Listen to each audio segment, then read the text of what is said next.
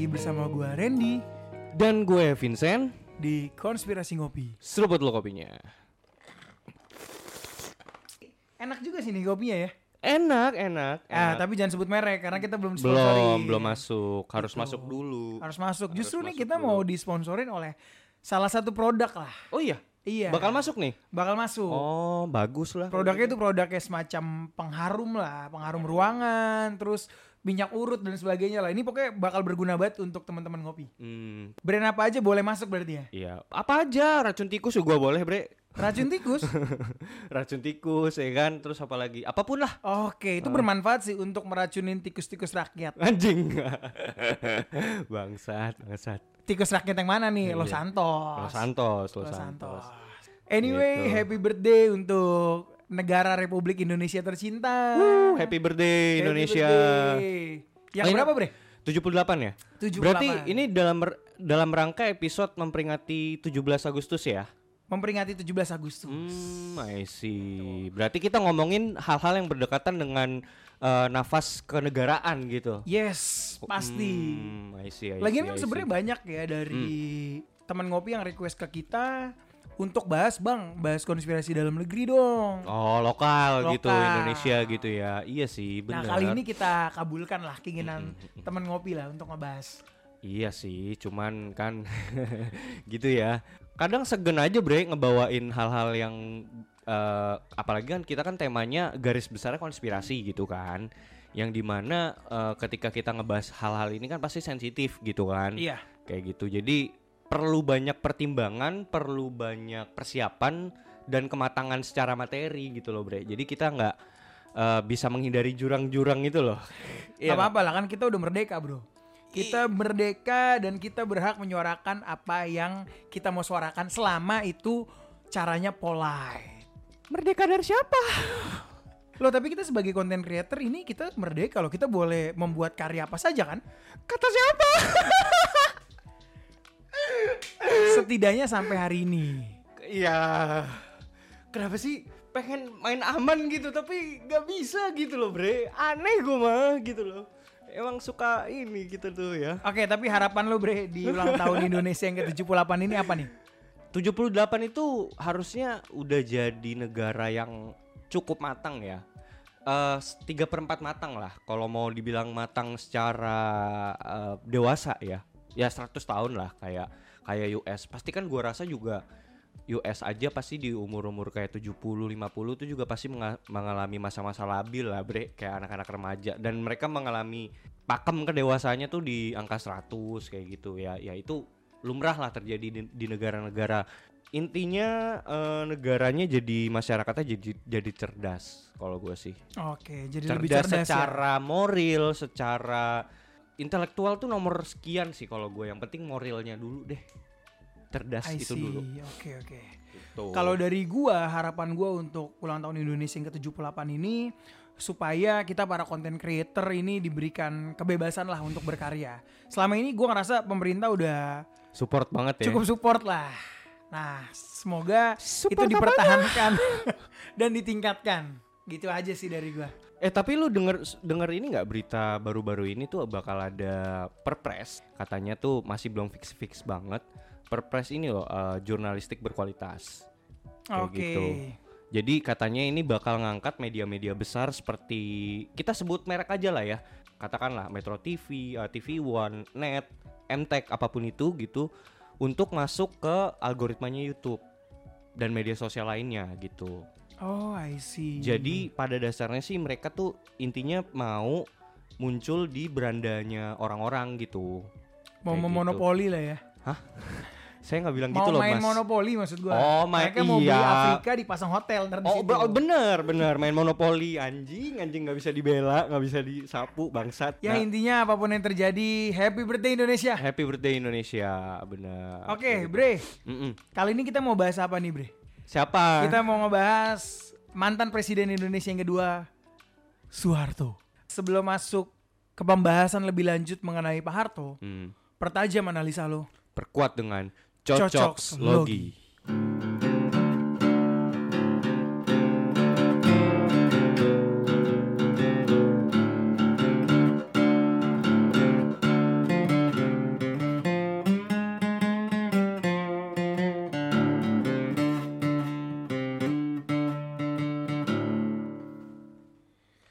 Oke Bre, di sini kita mau ngebahas terkait tokoh nasional Presiden Republik Indonesia yang kedua Pak Soeharto. Kenapa ngebahas ini sih bre? Gue gua harus konfirmasi itu dulu kalau kenapa harus bahas dia? Iya, karena menurut gue gini, uh, 17 Agustus itu adalah identik dengan kemerdekaan. Yeah, itu kan kita kemerdekaan dari jajahan Belanda, dari Hmm. jajahan Jepang gitu Hmm. kan. Dan menurut gue Pak Harto ini salah satu tokoh yang kontroversial lah. Yes, Secara positif hal yang dia lakukan tuh banyak banget. yes, Sisi benar. negatifnya ada juga. Setuju gua kalau Gitu positif kan. banyak banget. Yes, dan dia adalah salah satu tokoh bapak pembangunan. Hmm, yang setuju gua. di mana saat zaman merdeka Ya. kita masih cukup morat marit gitu ya. Ya, Dan Pak Harto ini yang berhasil mendongkrak Indonesia menjadi pertumbuhan ekon- ekonominya naik. iya menjadi lebih maju gitu. loh. Benar, benar. Dan gue pengen Setuju. coba ngangkat ini dari dua sisi lah. Dua sisi. Oke, benar benar benar benar. Nah, kan kita eh, judul podcastnya aja kan konspirasi. Apakah kita bakal ngebahas konspirasinya atau gimana, Bre? Oh iya pasti dong, Pasti ya. pasti. Ada beberapa konspirasi dan spekulasi terkait beliau ini gitu. Iya. Yang dalam tanda kutip belum tentu benar loh. Sorry, ada konspirasinya. Hmm? Bahwa dia adalah agen. Dia adalah agen dari satu lembaga, Ah, satu organisasi besar. apa? Apakah itu CIA. Oh, iya. Itu itu mah udah lumrah lah. Gue yakin pasti teman-teman ngopi juga pasti pada dengerin, udah pernah denger lah hal itu kayak gitu bahwa banyak yang bilang Pak Harto itu adalah agen CIA gitu. Ya gimana juga ca- cara ngebuktiinnya, Bre? Ya makanya Iya itu kan? kan konspirasi ya. itu kan konspirasi. Nah, itulah tugas kita di sini coba kita untuk apa ya? Eh, membuka itu dan menganalisanya. Yes. Gitu. Tapi sebelum itu kita masuk ke latar belakangnya ya. Oke, latar belakang dari Pak Harto. Pak Harto ini nama lengkapnya adalah Haji Muhammad Soeharto. Lahirnya tanggal 8 Juni 1921 di Kemusuk, Yogyakarta. Waktu itu Indonesia masih Hindia Belanda. Eh, meninggal pada 27 Januari 2008 di Jakarta. Nah, beliau ini adalah presiden kedua Republik Indonesia menjabat dari tahun 67 hingga 98. Berapa puluh tahun tuh, Bre? 32 ya? Eh, Udah 32 ya. Oke. Bentar ya. Eh, eh, ben- ben- bentar kan? Bentar, bentar. Bentar. Bentar kalau dihitungnya dalam hidup ya. Eh, iya dong. Lifespan. Kan ada ada ada raja-raja zaman dulu kan juga lama tuh, ratusan tahun kan. Raja Daud gitu Iya ya. kan? Eh, Pak Harto ini berasal dari keluarga sederhana. Ayahnya itu bernama Kertosudiro, seorang petani. Oh, jadi eh, bapaknya petani lah gitu. Terus ibunya Sukirah juga memiliki latar belakang pertanian. Pokoknya intinya di lahir dari eh, bidang pertanian lah ya. Hmm. Cowboy ya bisa dibilang dong. Iya. Cowboy ya kan, Far- Seperti farmers. seperti slogannya Pak Jokowi dari rakyat untuk rakyat. Oh iya jelas.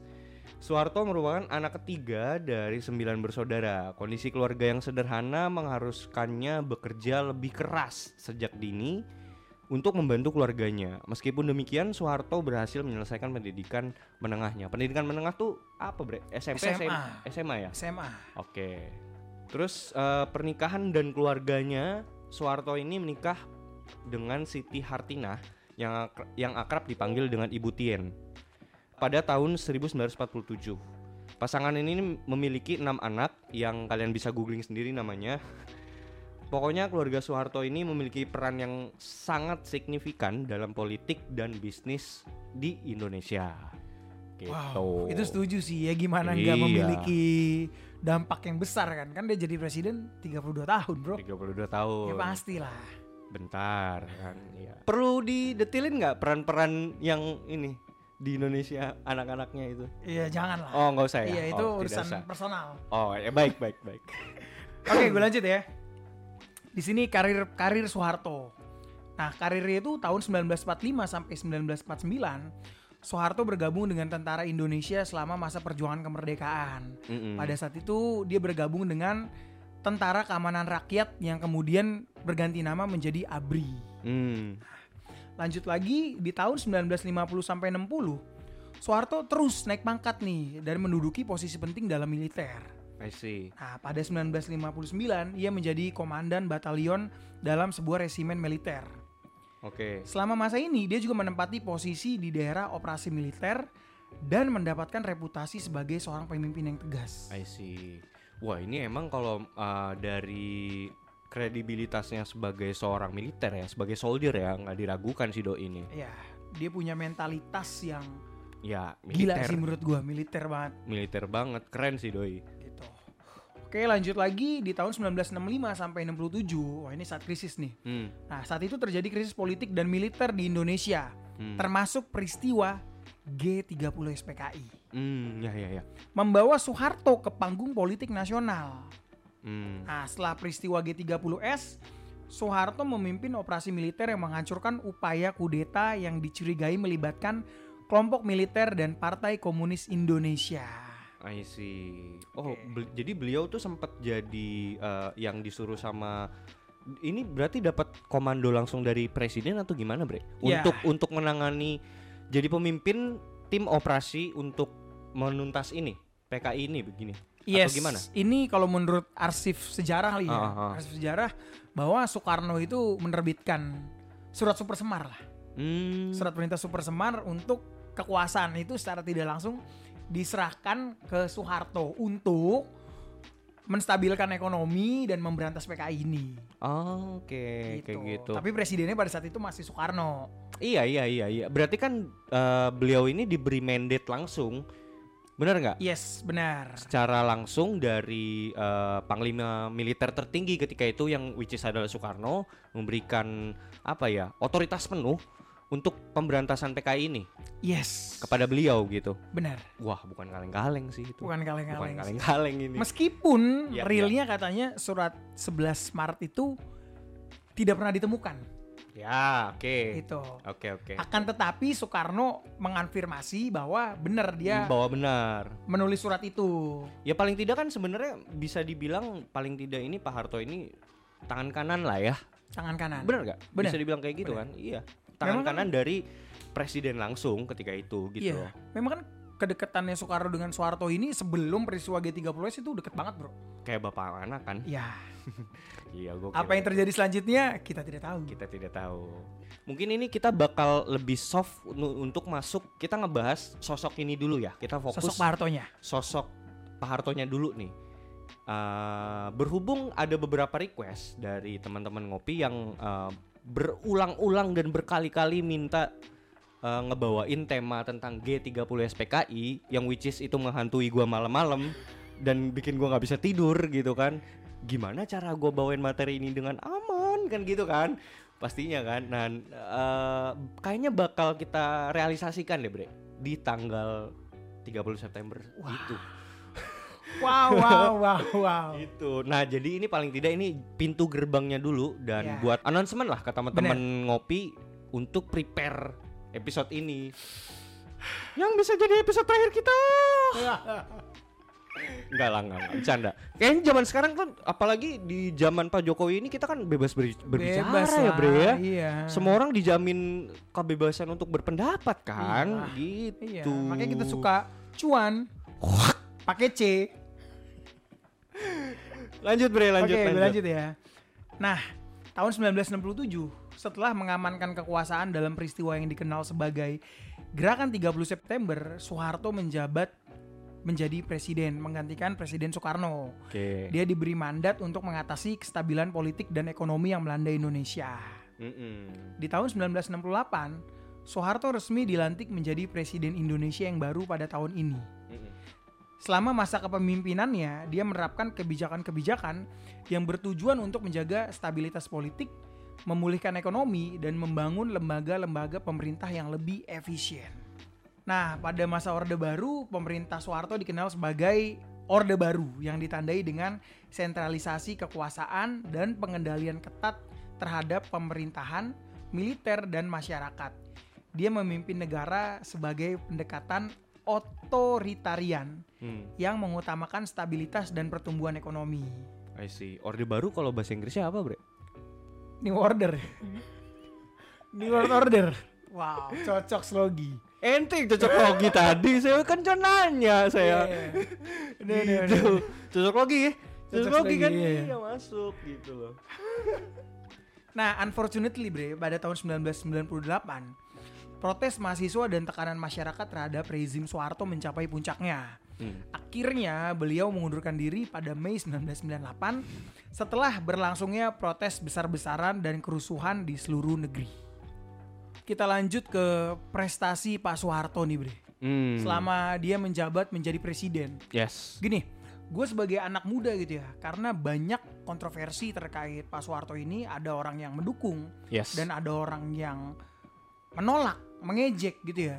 Nah, sebenarnya selama dia jadi presiden, ada inilah bre, ada pro dan kontra lah. iya, Ya masuk akal lah semua orang juga nggak usah presiden anjing. Lu lu juga pasti ada yang suka, ada yang nggak suka kan Iya, kayak iya. gitu. Nah maksud gue selama dia menjabat sebagai presiden Prestasinya tuh apa aja gitu bre Kalau eh, yang paling umum ya sebenarnya gua yang gue tahu aja tuh. Jadi ketika itu di zaman itu, zaman Pak Harto itu pertumbuhan ekonomi Indonesia tuh sangat baik deh. Jadi sangat sangat apa namanya sangat melonjak tinggi di zaman itu yang pada awalnya di zaman pemerintahan Soekarno mungkin eh, pembangunan itu tidak merata seperti itu bre. Sangat harum namanya ketika itu di zaman itu yang terjadi itu adalah eh, di mana dia bisa berhasil membawa ekonomi Indonesia tuh menjadi nomor satu di Asia. Wow nomor Iya, satu dia nomor satu nomor satu di Asia. Bahkan eh, kita dijulukin sebagai eh, apa sih nama istilahnya swasembada beras ya? Apa? Swasembada beras ya Mm-mm, jadi in- pada intinya kita tuh bisa ngekspor beras sampai ke negara-negara lain di Asia gitu, bre. Gitu. Oh I see, I bahkan see. bahkan sampai yang lu cari tahu sendiri, yang lu bilang juga sampai ke Afrika kan? Yes kayak gitu dan dan maksud gua ini kan eh, berhasil pada zamannya dia gitu loh kita bener-bener bisa berhasil menjadi negara agrikultur yang bener-bener literal negara agrikultur gitu. Dan menurut gua gini ya eh, pada zaman dia tuh juga ini kalau kita dengar dari opini-opini orang-orang tua kita ya di, di zaman dulu yang tinggal di zamannya uh, mereka bilang bahwa memang ekonomi di zaman itu tidak lebih sulit dibanding saat ini gitu bre Wow iya dan Tidak lebih sulit dibanding zaman pemerintahan presiden terhebat Pak Jokowi saat ini tuh bisa zamannya Pak SBY Oke, oke, oke. zamannya uh, Bu Mega zamannya Habibie zamannya Pak Jokowi pokoknya dibanding yang lainnya selalu kan ada tuh kalau di belakang truk kan pena zamanku toh Oh I see Gitu. itu, itu banyak banget Iya kan? iya. Prestasi Soeharto itu satu dari stabilitas politik dan keamanan Hmm, Nah, Pak Soeharto ini berhasil menjaga stabilitas politik dan keamanan di Indonesia selama beberapa dekade. Ia berhasil menahan konflik internal yang dapat mengancam integritas negara. ya benar-benar Dan gue setuju sih ya kalau Pak Harto ini berhasil menjaga konflik internal. Karena gini, Hmm. satu hal ya yang orang tua gue selalu bilang, yang dulu itu bener-bener lu mau pulang malam, lu tuh merasa aman. Bre oh iya iya iya you feel safe. Berbeda, sorry ya maksudnya di saat zaman sekarang, gue pulang malam naik motor jam 11 jam 12 gue udah ngeri bre. Oh, jadi bahkan di di eh, di masyarakat pun berasa ya, artinya ya, maksudnya stabilitas keamanan yang literal be- bener-bener sampai segitunya ya. Yes, gitu. Berarti zaman dulu nggak ada begal-begal gitu nggak ada, Bre? Gua nggak tahu ya, karena Hmm. mungkin gini, bisa jadi nggak ada, bisa jadi tidak terekspos media. Karena siapa yang berani? Iya kan? Enggak, karena Iya. gini, karena zaman sekarang itu kesalahan sekecil apa pun bisa terekspos karena media tuh sudah sangat besar. Maksudnya gini, lambe turah bro, Hmm. pakai handphone jadul tuh cekrek cekrek cekrek jadi berita. Iya iya iya. Iya karena gini, eh, banyak freelancer freelancer yang lambe turah. Mama komplek anjing. Iya, mama komplek. freelancer kan? Lo iya Bener, dong. bener, bener, Bahkan kadang-kadang nggak dibayar. Ya, Nge, nge- apa eh, video-videoin kan videonya diambil juga nggak tahu deh. benar, benar, Iya kan? benar. Iya, ya kalau orang yang tahu minta duit gitu kan, kalau nggak tahu gitu. Ya mungkin karena itu juga ya. Cuman maksud gua eh, memang in- pada pada dasarnya sih sebenarnya otoritas keamanan itu atau keamanan itu sendiri di dalam suatu wilayah itu bisa terbentuk kalau misalnya eh, penguasanya atau ot- otoritasnya itu tegas, bre. Bener nggak? Setuju banget itu. Iya kan? Setuju banget. Ya kalau misalnya gini deh, kita pakai perumpamaan ya. Gua nih maling, Bre. Gue ngeliatin kalau misalnya gue mau ngemalingin suatu bank. Nah bank itu yang ngejaga securitynya kurus kering ya kan. Berani nggak gua? Berani lah. Nah, iya kan lembek gitu ya kan. Kalau misalnya dari jauh mukanya sangar anjing badannya gede kan. Takut gua bre. Iya kan? Iya. Dan kalau misalnya berarti kan tergantung si penjaga keamanannya ini tegas atau enggak kayak gitu. Terus treatment kepada masyarakat seperti apa, penjagaan keamanannya seperti apa kayak gitu. Dan memang terbukti dan bahkan meninggalkan banyak testimoni dan opini uh, terhadap masyarakat ma- masyarakat terutama orang tua, orang tua kita zaman dulu ya bisa muncul opini seperti itu kan pasti ada karena memang seperti itu Yes. zamannya waktu itu keamanan benar-benar aman banget Aman. itu gitu loh Yes. gitu jadi Aman bagi yang pro dengan pemerintah. mayoritas Oke, lanjut ya. Ya ya Nah, tadi kan lu bilang, Bre, apa salah satu pencapaiannya Pak Harto itu yang bikin lu salut adalah pertumbuhan ekonomi. benar benar Nah, di sini gua akan kasih fakta ya. Gua akan kasih fakta mm. bahwa ini datanya nih eh ada datanya. ini datanya ya Iya. oke ini dong gitu loh Rata-rata pertumbuhan ekonomi Indonesia di zaman Pak Harto itu ternyata terbesar, Bro. begitu Terbesar sepanjang sejarah Indonesia. Jadi Pak Harto itu mampu mencatatkan pertumbuhan ekonomi sebesar 7%. 7 persen Rata-ratanya itu. rata-ratanya ya Itu rata-ratanya. kalau paling tingginya Paling tinggi ada di angka 10 persenan. Anjing, 10 persen ya? 10 persen. I see. Nah, kalau kita ngelihat di ja- eh, masa jabatan setelah dia, eh, penguasa-penguasa setelahnya tuh average-nya berapa, Bre? Average-nya tuh di angka 5 persen ya. 5 persen ya? 5 persen average Ini yang setelah dia berarti Setelah ya? dia. Semua presiden itulah ya? Yes, yang paling Oh. bagus itu Pak SBY setelah dia. Pak SBY itu di angka 5 sampai 6 persen tapi 5-nya tuh kayak 5, koma sekian sampai dengan 6 persen Oh, lah. Oke, ya, ya, ya, ya. Pak Jokowi rata di angka 5 persen dan saat Covid ya memang kalau Covid itu parah ya. nggak, Covid nggak itu bisa. Itu mah nggak, nggak, ya udahlah nggak bisa diapain ya, mau diapain lagi Iya, kan? eh, itu di Gitu. angka 2 persen sih. Hmm, Gitu. ya, ya, ya, ya, ya, ya, oke, Nah, oke. program-program yang dibuat oleh Pak Harto ini memang ternyata banyak menimbulkan dampak positif, Bro. Mm-mm. Salah satunya adalah program transmigrasi. Transmigrasi. Yes. Oke. Oh, gue gue pernah dengar tuh. Jadi tuh di banyak di daerah, banyak-banyak daerah-daerah, terutama kayak di Kalimantan dan Papua, bre, itu ada yang namanya Kampung Jawa. Oke, ada kampung Jawa. Ada, bre, ada. Gue kan juga pernah tinggal di Kalimantan ya, be- Mm. be- be- beberapa tahun ya. Jadi ada beberapa distrik atau sektor yang di kampung tersebut atau kelurahan tersebut ya isinya orang Jawa, bre. Dan itu Oh, real. I see. Ben- bener beneran beneran. Jadi ya jadi lucunya gue juga sampai waktu itu kan as a bocil mikir ini gimana caranya orang Jawa pada ngumpul di mari anjing? Gitu Iya, loh. bener, maksud gue ngapain anjing? Gitu loh. Yang di mana di situ kan orang lokal ya. Gue ngomong konteksnya waktu itu di Kalimantan ya. Orang-orang Dayak dan orang Melayu gitu.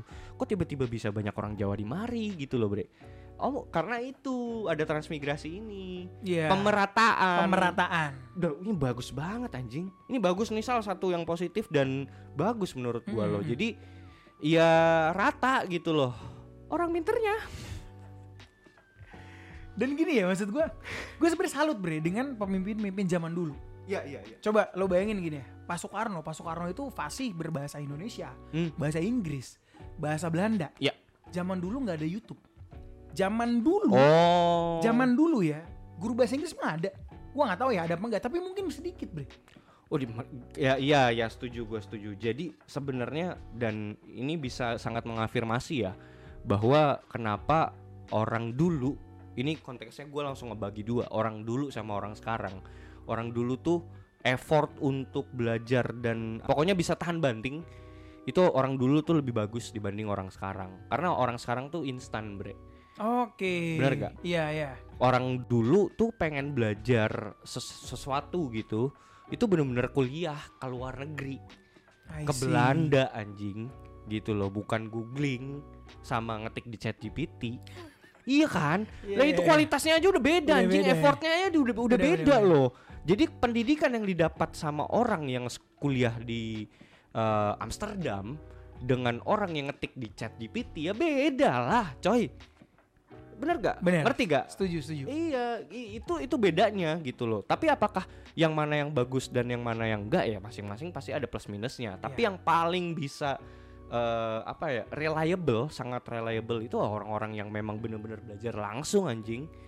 gitu. I see, I see. Gitu ya, ya benar benar. Gitu. Dan fun fact-nya, Mhm. ternyata mereka belajar bahasa Inggris, bahasa Belanda itu Hmm. selain mereka ngomong sama lokal ya, ngomong Hmm. sama orang Netherlands yang langsung gitu ya.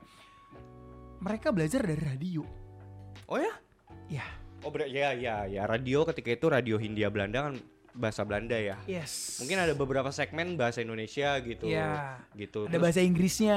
Iya, iya, iya bagus sih. Iya, karena kan memang mungkin radio ketika itu udah memikirin segmentasi kan. Maksudnya pendengar gua kan juga bukan cuman mas-mas Jawa itu kan. Iyalah. Ada juga pendengar Belanda-Belanda Ya, itu. karena kan zaman dulu radio semua, Bro. si penjajah gitu kan. Yang kayak-kayak itu kan pasti kan ya ada segmennya gitu kan gitu. Oke, gue lanjut ya. Dan ini menurut gue salah satu yang paling wow sih. Ah. Yang paling wow adalah pengendalian inflasi. Oh gitu, inflasi. Inflasi. Inflasi sebelum Pak Harto menjabat Hmm. itu sampai dengan mencapai angka correct me if I wrong ya, tapi sekitar 630-an persen. Wow, Ya, oke. itu alasan kenapa rakyat banyak yang demo minta Hmm. Soekarno diganti. Oh gitu. Karena tingkat inflasinya itu tinggi banget pada saat zaman itu. Oh gitu. Gua sih kalau secara praktikal kan kita nggak tinggal di zaman itu ya, Bre ya. Yes, bener. gitu. Nah, cuman eh kalau lu bisa mendescribe dari informasi yang udah lu kumpulin, itu sebenarnya seperti apa sih sebenarnya di zaman Pak Pak Karno ketika itu gitu loh. Maksudnya se- se- seperti apa kayak gitu? Emang sulit apa gitu loh? Hmm. Dari data-data yang gue dapat memang di tahun 62, 63, 64, 65 gitu ya. Itu Indonesia tuh udah mulai krisis sih. Udah mulai krisis di mana inflasi itu bergejolak sangat tinggi. Ya iya iya iya. Rakyat sulit untuk mendapatkan bahan makanan. Sesulit itu. Sulit, iya. Hmm. Dan itu yang menyebabkan akhirnya banyak demonstrasi lah.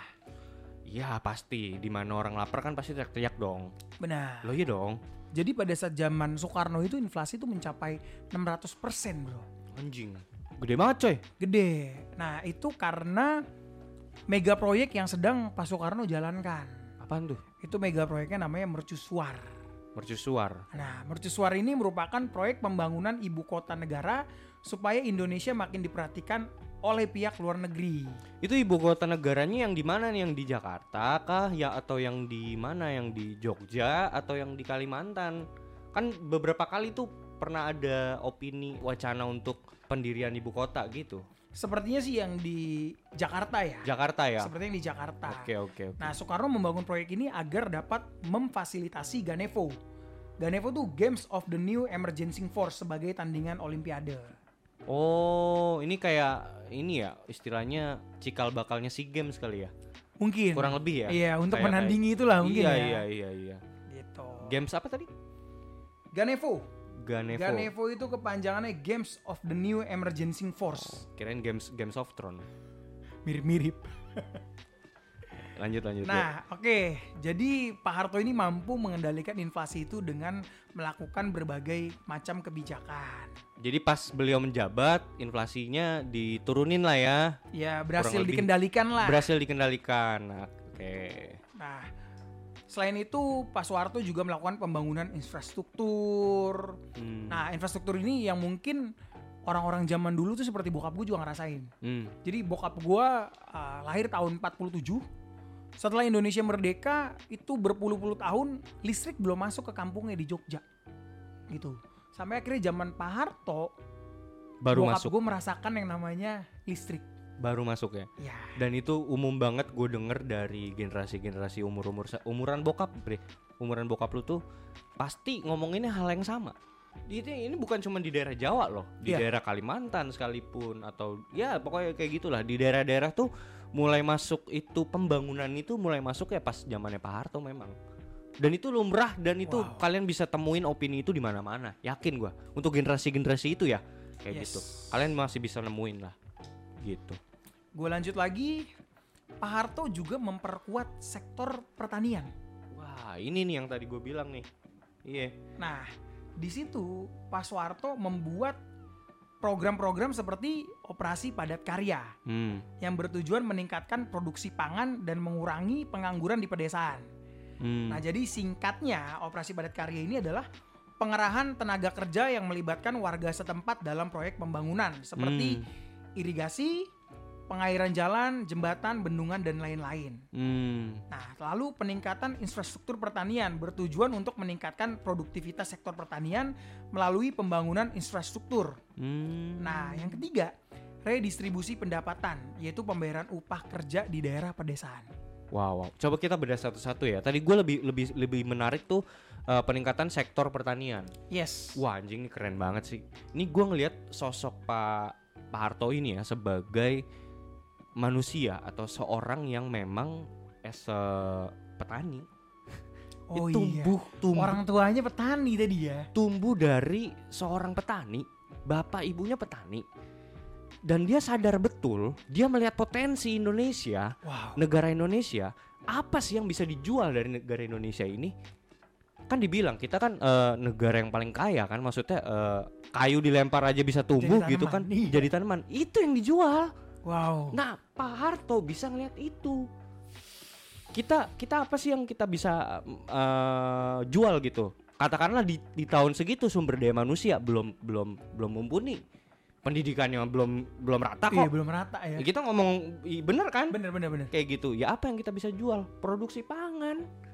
Pertanian itu yang harusnya dikencengin Wow. gitu. Nah, dan ini kan bagus banget anjing maksud gua. Berarti kan mengedepankan selling point, Bre. Iya. Iya enggak? What's your selling point? Selling point di Indonesia ya pertanian. Pertanian dikencengin. Bener bener bener. Iya bener. kan? Kalau kita emang nggak ahli untuk membuat sesuatu produksi eh, apa ya barang jadi, ya kita ahli di barang mentah. Ya udah kita bagusin di barang mentahnya. Ini Wow. bagus banget kan, doi.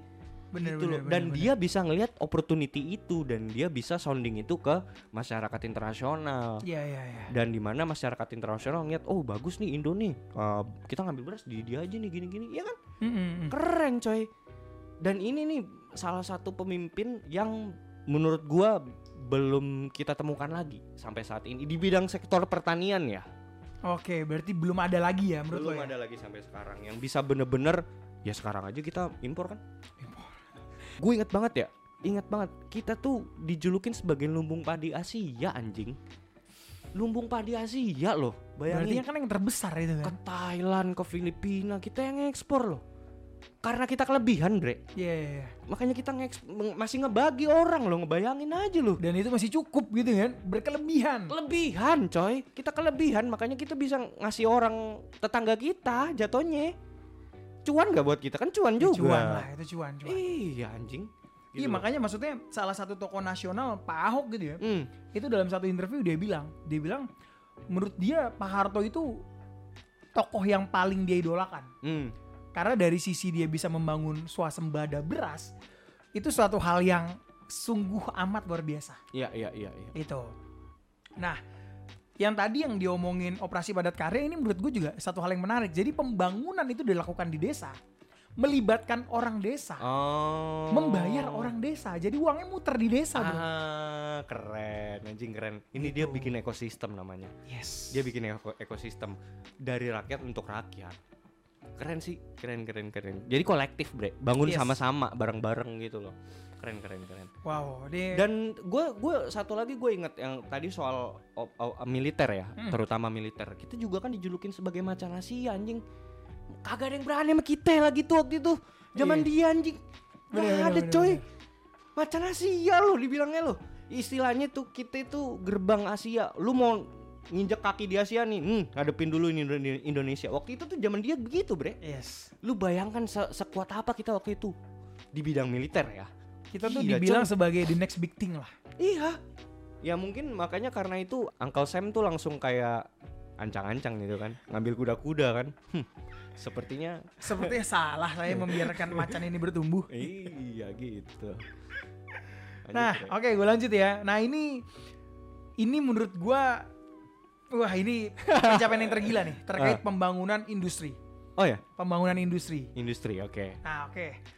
Pada saat zaman Pak Harto, ya selama dia menjabat 32 tahun ya, itu Iya, iya, jangka iya. waktu yang sebentar menurut lo. Sebentar banget Iya. itu, lanjut. Gak usah diulang-ulang dong. Oke, oke. Ini biar biar teman ngopi dapat nih. Oh gitu. Bahwa itu sebentar. Lo memang sebentar kan? Ya sebentar kan, Iya, iya. 30 tahun sebentar. Belum 60 kok, Bre. Sebentar Belum, itu, belum. belum.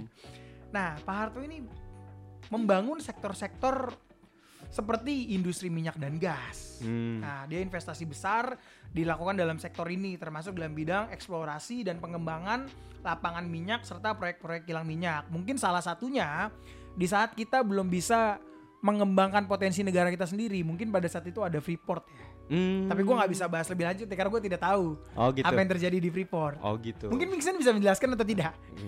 gue juga nggak nggak ahli soal-soal kayak Oh, gini. nggak Yang, ahli, Indo- ahli. yang Indonesia gue nggak ngerti bre. Yang gue tahu tuh Indonesia tuh yang bagus-bagus doang bre. Emang bagus. Lo iya Bos. makanya Iya. kan gue bilang. Saya cinta Pak Jokowi. Lo memang. Iya. Oke, gue lanjut ya. Setelah industri minyak dan gas, mereka juga membangun industri pertambangan dan pertanian.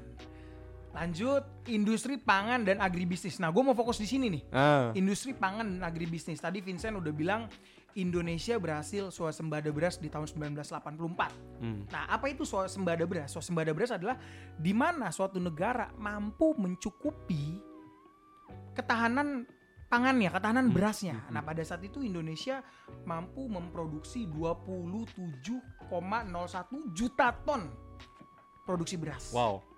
Itu. Dan uh, bisa bagi negara lain yang Mereka bisa ya. membagi, bahkan mereka bukan cuma ekspor. Mereka menyumbang Hmm. 100 ribu ton beras untuk negara miskin di Afrika. Wow, wow, wow. Wah keren. Eh, lu inget gak konser eh, Queen Hmm. yang di Live 8 itu tuh? Yang Oke. latar belakangnya putih semua itu Iya, kan iya. semua semua musisi dunia ngumpul kan? Yes. Itu kan sebenarnya eh kampanyenya itu buat ngebantu Afrika itu, pangan itu, pangan Afrika itu. Oh, I see. Itu kampanyenya tuh. Mm-mm. Berarti paling tidak kita kontribusi paling besar coy ketika itu. Oh iya, benar Iya benar. dong. benar. Iya, iya, iya. Iya dong. Lah mereka konser konser doang anjing kita yang nyumbang bangsat. Iya dong. Iya, iya, iya. Anjing. Dan itu pada saat itu kita dapat penghargaan, Bro. Nah, iya kan? Ah, ah, karena berhasil menyumbangkan 100 ribu ton beras. Yang nyumbang siapa, yang diluluin siapa? Yang suka gitu Uncle Sam mah. Kayak gitu ya. Iya. Emang. Gila gila. Dan gini, yang lebih menariknya lagi, Hmm. ternyata sampai tahun 1977, ini Hmm. sebelum tahun 1984 ya. Hmm. Kita tuh salah satu importer beras terbesar di dunia. Iya. Jadi kita tuh masih import. Dan dengan iya. Oke, oke, oke. Jadi sampai dengan tahun 1977 Oke. gitu ya, sampai dengan tahun 1977 kita tuh menjadi negara pengi- pengimpor beras terbesar di dunia. Ini masa jabatan siapa? Pas jabatan Soeharto, tapi pada saat itu kan masih develop. Oh, Oke, ya. Dah di tahun 1984, Eh, 77 ke 84. ya 7 tahun lah, Hmm. seven years. Oke, oke, oke, oke. Dan dia bisa merubah, Merubah. merubah itu kita jadi berkelebihan. Anjir, gokil. Berarti proyeknya berhasil dong. Ya berhasil lah, jelas lah. Ini nggak ada beras ngumpul di dalam gudang tuh sampai ada kutu-kutu nggak? Waduh, waduh, waduh, waduh, waduh. Di Yang Los Santos, coy. harga beras menjadi naik, naik, Di naik. Los, Los Santos kan ada kayak Los gitu Santos, kan? Ada coy, itu sampai sampai kutuan, Bre. Itu Los Santos emang negara apa sih itu, men? Itu kayak nyokap gue, Bre. nyokap gue tuh kalau naruh makanan itu kagak dibagi-bagi sama anaknya, toto basi aja gitu. Atau jadi kutu. Dia- sampai basi, Bre. Kagak dikasih kayak gitu. Ini Iya, sama kayak Los Santos tuh emang. pemerintah Los Santos harus belajar. Parah Los Santos nih emang nih lah. Gila, gila, gila. Salah satu prestasinya lagi, wah ini sih, ini sih gila sih. Ini, Ah, lu, ah. ini lu harus ngakuin dia presiden hebat sih. Eh, Industri tekstil dan pakaian. hmm. Indonesia menjadi salah satu negara pengekspor tekstil terbesar di dunia. Zaman dia Zaman dia. tekstil. Tekstil. Oh, oke oke oke. Men, lo lihat zaman sekarang. Ya ya ya. Kita pengimpor tekstil, bro. Memang. Barang bekas kita import. Lah itu kan makanya thrifting kita di sini jalan, coy. Saking banyaknya impor, Wah gila sih. padahal barang bekas orang Amerika sono yang boketek anjing. Lu iya bener dong. Iya, iya virus-virus. Maaf, maaf ya. HIV kalau Lo iya sex. kan, iya kan. Lah macam. sekarang sekarang orang jualan buka usaha thrifting. Terus eh, apa namanya tuh? Kayak eh, lu bangga beli barang thrifting anjing lu mikirin gak sih maksudnya sampai ke ke sono gitu loh. Itu barang bekas orang loh. Ya sorry ya, sorry Iya, ya. Ini iya. gue sorry banget tapi menurut gua it doesn't make sense buat gua gitu loh. Orang luar negeri itu yang yang ekspor itu hmm, bodoh sekali dia gitu kan, iya kan? Bre, Iya, iya benar. semangat, semangat. eh dong, Semangat. bodoh sekali dia menggunakan uh, apa namanya barang bekas saya gitu kan ya kita dengan bangganya pakai itu deh yang lu bisa bikin sendiri anjing Berarti menurut lo ini suatu kemunduran? gua nggak ngomong gitu Enggak ya. Gue gak ngomong Iya. gitu. Ya, Maju loh kita. Menurut gue ini suatu suatu kemunduran sih. Di saat Hmm, tahun gitu. 1980-an kita bisa menjadi pengekspor terbesar tekstil. Hmm, Sekarang kita menjadi importir. kalau lu ngomong gitu, kalau lu tarik ke situ make sense, lu bilang mundur. Make sense gitu. Hanya gua nggak berani aja ngomongnya. Oke, kita lanjut ya. Ah, industri manufaktur yaitu upaya untuk meningkatkan sektor manufaktur dilakukan melalui pembangunan pabrik-pabrik dan fasilitas produksi. Nah, itu seperti industri apa sih? Industri elektronik, otomotif, dan produk-produk konsumen. Jadi Pak Harto juga meningkatkan pembangunan pabrik-pabrik tuh, Bre. hmm. Nah, lanjut lagi ke industri pembangkit listrik. Nah, kayak pembangunan akses listrik menyeluruh ke seluruh Indonesia. Ya, tadi yang kita jelasin ya. Ya, terus industri konstruksi dan infrastruktur. Nah, proyek konstruksi seperti pembangunan jalan raya, pelabuhan, dan bandara. I see. Nah, peran internasional. Jadi Soeharto juga memiliki peran penting dalam diplomasi regional dan internasional.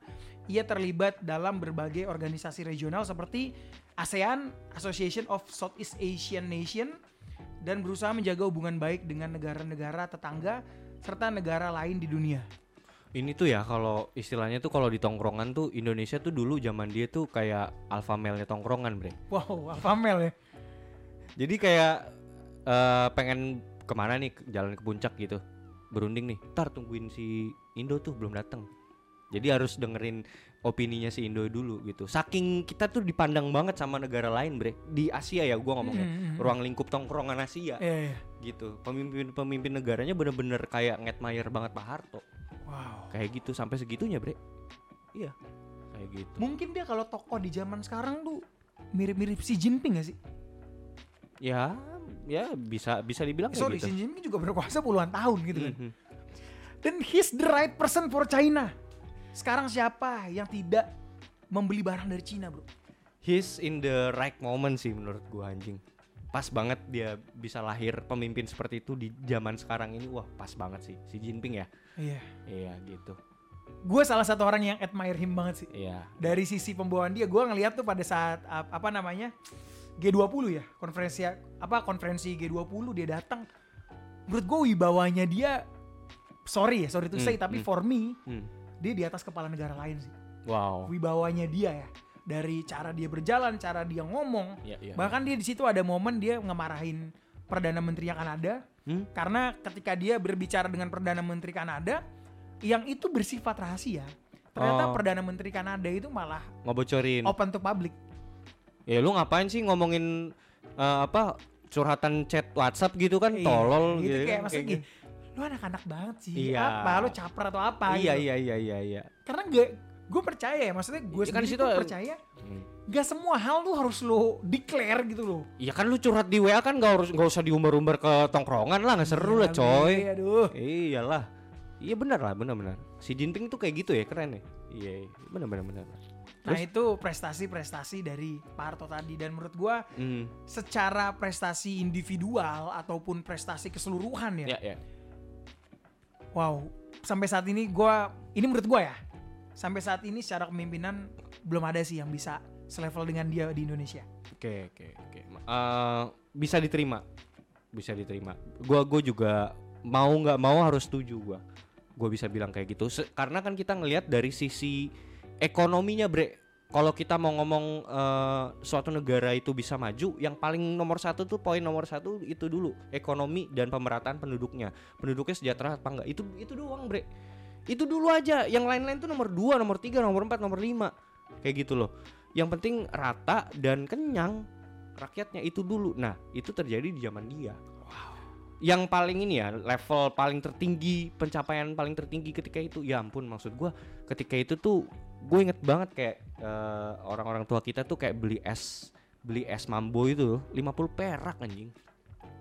Es mambo tuh ya. Es mambo yang itu Iya. 50 perak. Itu tuh tingkat mata uang kita tuh sampai se- segitunya loh.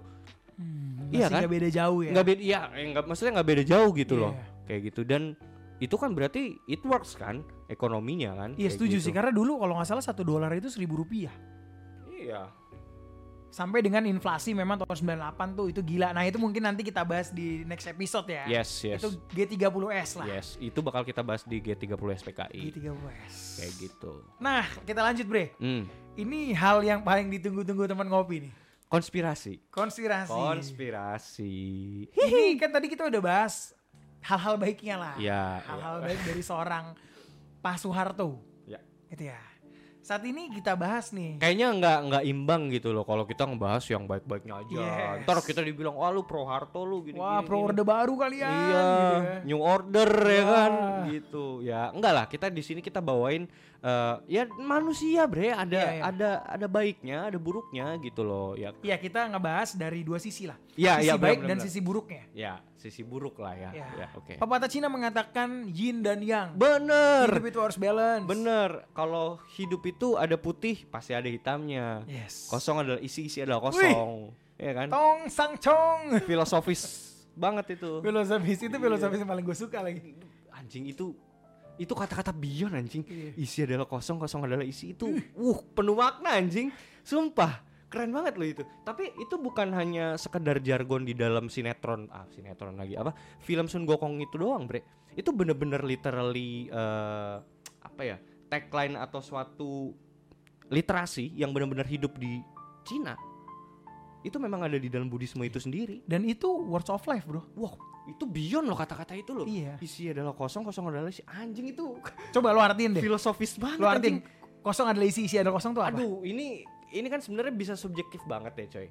Kalau gua sendiri bilang ya, isi adalah kosong, kosong adalah isi means nothing's really matter, bre. In this life. Wow. Iya nggak? Iya. Isi adalah kosong, kosong adalah isi. Nothing's really matter. Kalau gue nangkepnya ya, Kalau gue situ. kalau gue nangkepnya itu dari kehampaan muncul kehidupan dan balik lagi ke kehampaan. Nothing's really matter kan? Ya kan? Ya apa? Dan itu sebenarnya bukan hanya filosofi sih, itu adalah itu circle of life. binaries bro, binaries number. Oh iya. Binaries of life. Anjing iya lagi. 1010 ya. Hidup mati hidup mati ya. Anjing iya ya bener Tong anjing. sang cong, gila keren tuh tong Ih, sang cong. keren emang. Makanya wah itu beyond bre kata-kata itu tuh gila keren banget sih. Lanjut bre. Oke, ini yang ditunggu-tunggu oleh teman ngopi. Kontroversi dan konspirasinya Pak Soeharto. Ya silakan. Oke, jadi ini terkait korupsi Pak Harto. Hmm. Jadi terlepas dari segala macam pembangunan yang sudah dia lakukan, Hmm. ini selalu berkaitan dengan korupsi, bro. Oke. Jadi uh, mahasiswa pada zaman Pak Harto itu banyak melakukan demonstrasi dan protes Oke. karena Pak Harto ini melakukan praktik KKN. KKN. Ya. konspirasi konstitusi bukan ya Bukan. salah ya Salah apa apa apa, Anda. apa, apa. Korupsi, kolusi dan nepotisme. oh oke iya iya ya memang ini lumrah nih banyak banget opini masyarakat ketika itu kan yang yang selalu diangkat kan rezim pemerintahan orde baru itu kan KKN kayak gitu gitu kan lumrah ya kita sering dengar ya Iya, kita sering dengar. hmm. Itu. Nah, gue bacain ya. Jadi korupsi Pak Harto ini yang pertama ada kasus Alas Manor. Hmm. Pada tahun 1970-an terjadi kontroversi mengenai pembelian lahan hutan Alas Manor oleh keluarga Soeharto Hmm. dengan harga yang dianggap sangat rendah dibandingkan nilai sebenarnya. Hmm. Hal ini menimbulkan dugaan bahwa keluarga Soeharto mendapatkan keuntungan pribadi dari transaksi ini. oke Tuh. Ini tahun 1970-an nih dan pada saat itu pada saat zaman Pak Harto masih menjabat banyak orang yang mengangkat itu. Tapi at the end mental semua lah. hmm. Gue lanjut ke kasus Darmais. Pada tahun 1970 terjadi dugaan korupsi dalam Yayasan Darmais, lembaga amal yang dikelola oleh keluarga Soeharto. Dana yayasan diduga digunakan untuk kepentingan pribadi keluarga Soeharto. Hmm. oke oke oke Ini di tahun 1970-an. Jadi Pak Harto itu punya yayasan, Bro. hmm. Itu punya tujuh yayasan lah. Nah, ketujuh yayasan ini diduga mengumpulkan uang dan uangnya itu dikorupsi Hmm. oleh keluarga Pak Harto. oh gitu oke Gitu. oke oke oke Lanjut lagi sama di kasus Super Semar. Ini termasuk yayasannya Pak Harto lah. Oke. oke Nah. oke Ini menarik ya, Bre. Ah, Soeharto itu sudah ditetapkan sebagai tersangka tersangka. oh iya serius Ya. Jadi Tahun berapa? Itu di tahun 2000. Oh berarti ini semua terbukti. Belum terbukti, dia baru ditetapkan sebagai tersangka. Tapi ketika diadilin itu nggak finish, nggak sampai selesai, Nggak sampai selesai? nggak sampai selesai. Ya nggak bi, ya nggak bisa, ya nggak bisa kalau belum terbukti mah. Ya. Nah ini gua jabarin nih Eh, faktanya. kenapa kenapa? Kok Gua bisa jabarin gitu? faktanya. Oke. Pada tahun 1995, Ah. Soeharto mengeluarkan keputusan presiden nomor 90 tahun 1995. Ah. Isinya menghimbau kepada para pengusaha untuk menyumbangkan 2% dari keuntungannya untuk Yayasan Dana Mandiri. Ini berarti dak- masih dakwaan nih, belum terbukti. Iya, ini masih dakwaan. Oke. Nah, jadi tahun 95 nih Pak Harto nih menginformasikan nih, dia mengeluarkan mengeluarkan undang-undang untuk orang-orang pengusaha yang punya profit itu 2% profitnya harus disumbangin ke Yayasan Dana Mandiri. Lu tahu nggak itu seberapa gede duitnya? Oke, tapi kan eh, ini kalau misalnya memang de- ke dibawa ke dalam ranah peradilan pun belum terbukti dan si katakanlah yang si terdakwa itu belum mengafirmasi dan mengakui kan? Iya belum, Ya, belum. oke, oke, gitu. Oke, oke. Berarti Cuman ini kan- masih dakwaan ya? Ya, dan potensi potensi kerugian negara tuh ratusan T Hmm, dari situ. dari situ. Oke. Dari uang-uang perusahaan yang pada profit dialirkan ke Yayasan Dana Mandiri ini.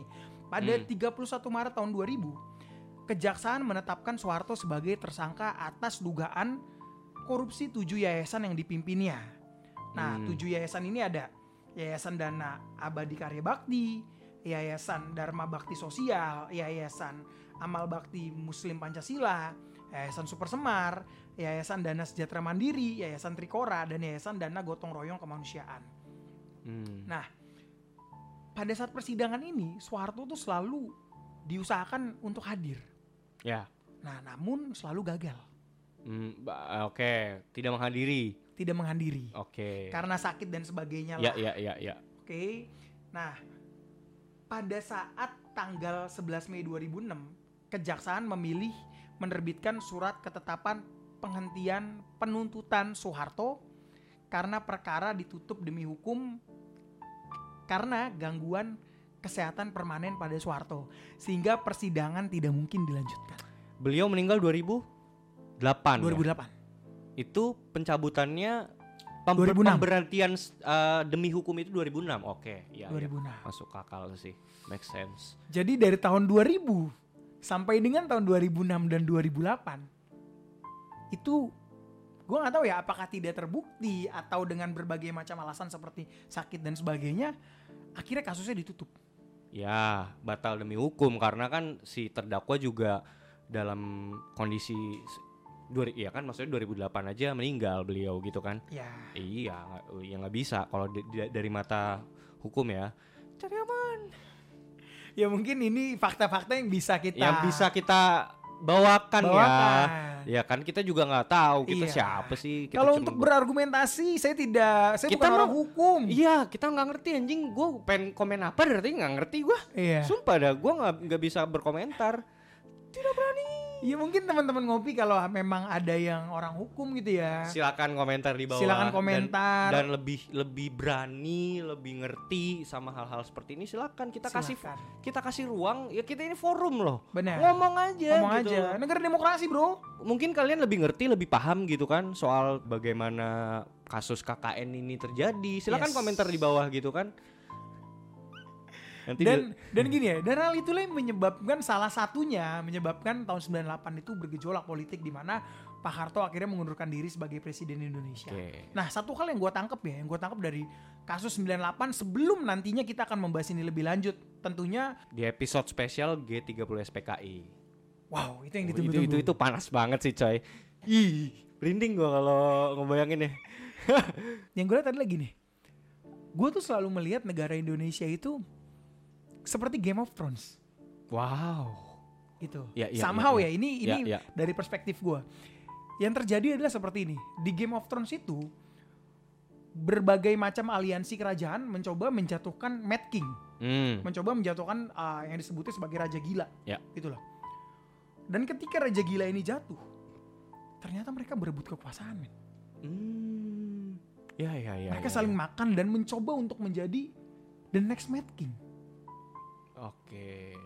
make sense sih. Dan yang inilah yang gue lihat ya, di mana tahun 98 itu itu adalah tahun pendewasaan politik Indonesia dan tahun politik terbesar di Indonesia. Oh jelas jelas. Di mana satu sosok presiden terbesar 32 tahun men hmm.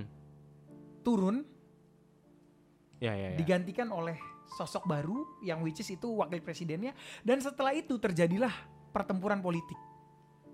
Iya iya iya Gitu. iya.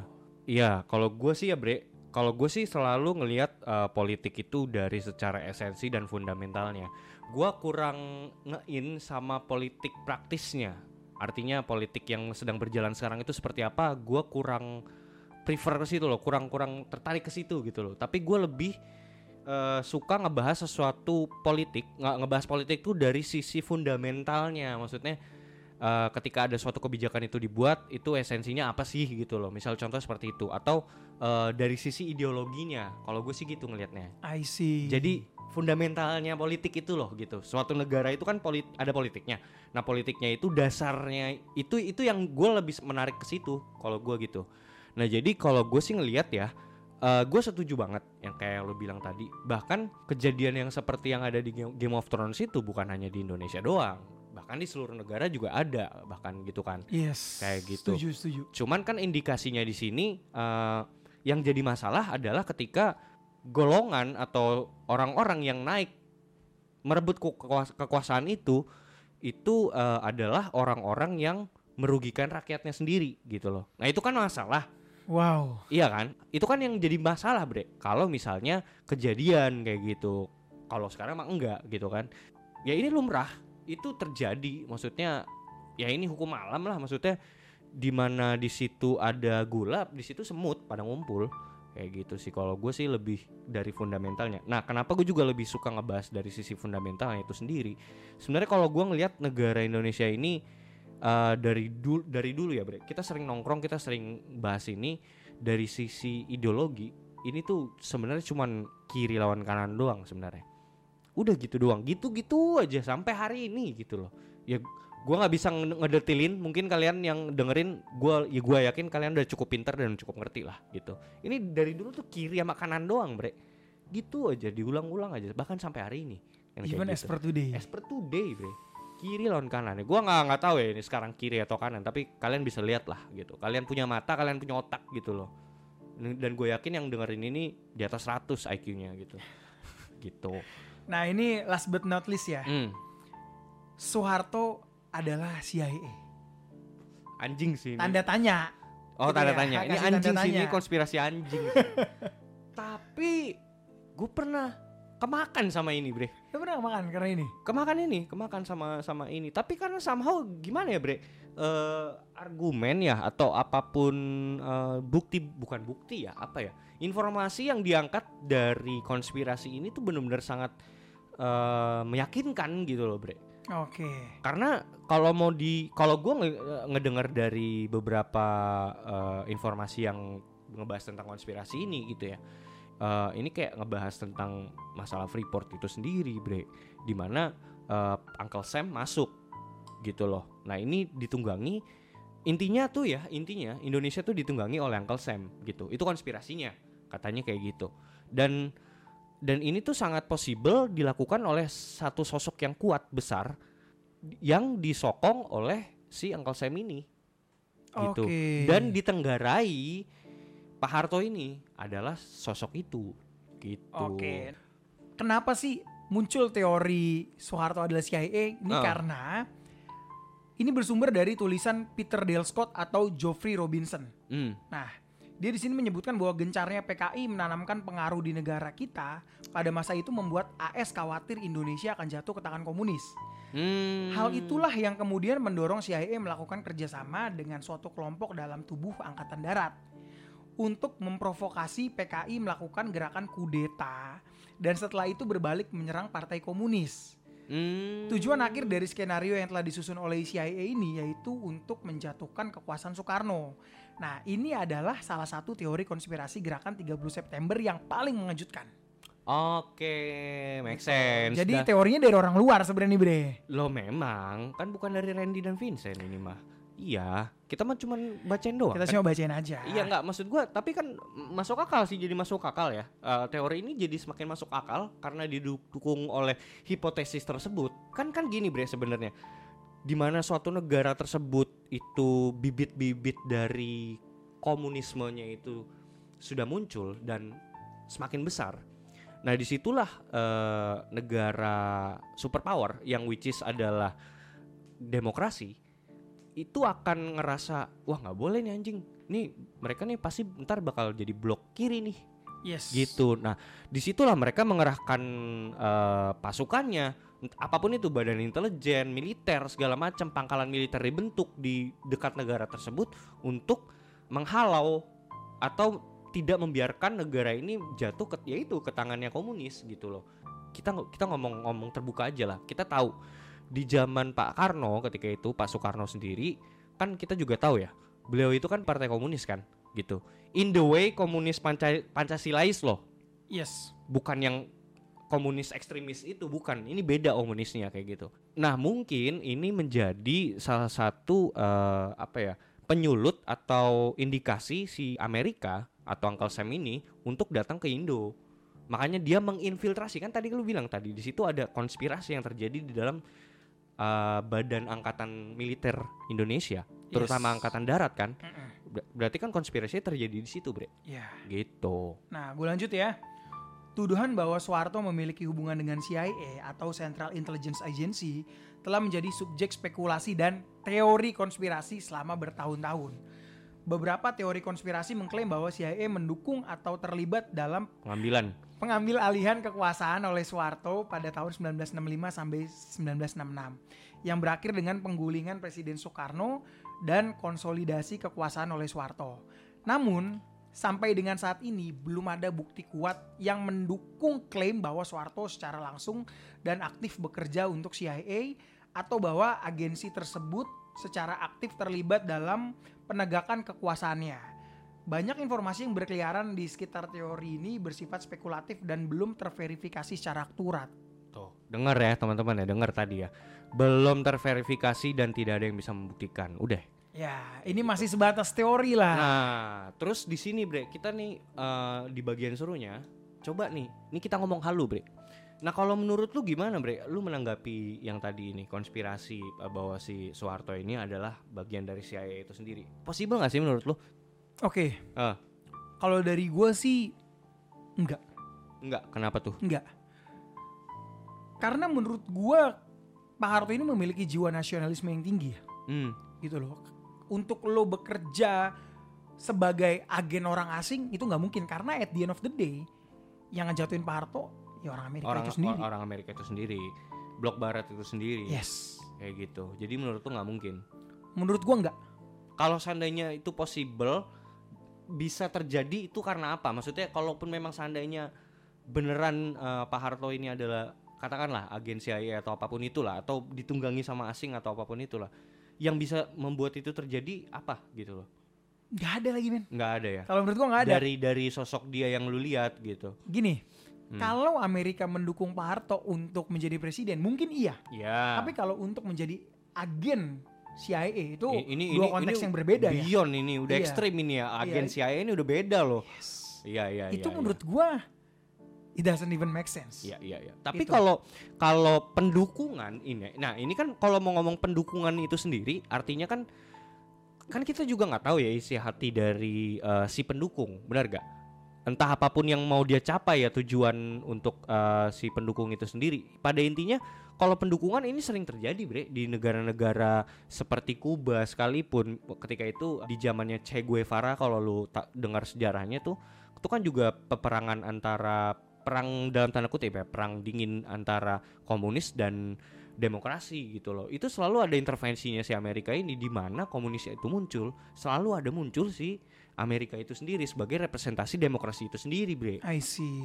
B- bisa jadi itu juga terjadi di ketika itu di tahun-tahun tahun sekian gitu Men- loh Menurut gua bahkan sampai saat ini dukungan negara lain untuk suatu kepala negara tertentu Mm-mm. pada saat pilpres itu masih terjadi. Iya iya iya benar kan apalagi apalagi ya ini gua garis bawahi ya apalagi jika negara tersebut demokrasi Yes. Mau nggak mau ya, ini gua sangat sangat, aduh gimana ya, gua ngomong belak belakan aja, mau nggak mau, paling tidak di situ ada andil dari negara superpower. Negara Agree. walaupun, ne- ya apa pun itu negara demokrasi lah pokoknya intinya kayak gitu, itu pasti ada eh, paling tidak berapa puluh persennya itu ada keputusan dari negara superpower kayak gitu bre. Wow. Itu coy. Gila gila gila. Akhirnya kita bisa menyelesaikan podcast ini ya. Kita Ya. bisa menyelesaikan podcast ini dan gini. eh gua mengutip kata-kata Mardigu, Bre. Hmm. Gue mengutip kata-kata Mardigu. Mardigu di dalam suatu podcastnya dia bilang "S- hampir semua atau mungkin semua ya, gue rada lupa correct me if I wrong teman ngopi ya. Kepala negara itu dalam tanda kutip bajingan. Ya, Mardigu bilang pilihlah bajingan yang nasionalis. anjing, bagus banget lagi kata-katanya itu. Iya iya keren keren keren keren. Konspirasi ngopi Seruput lo kopinya.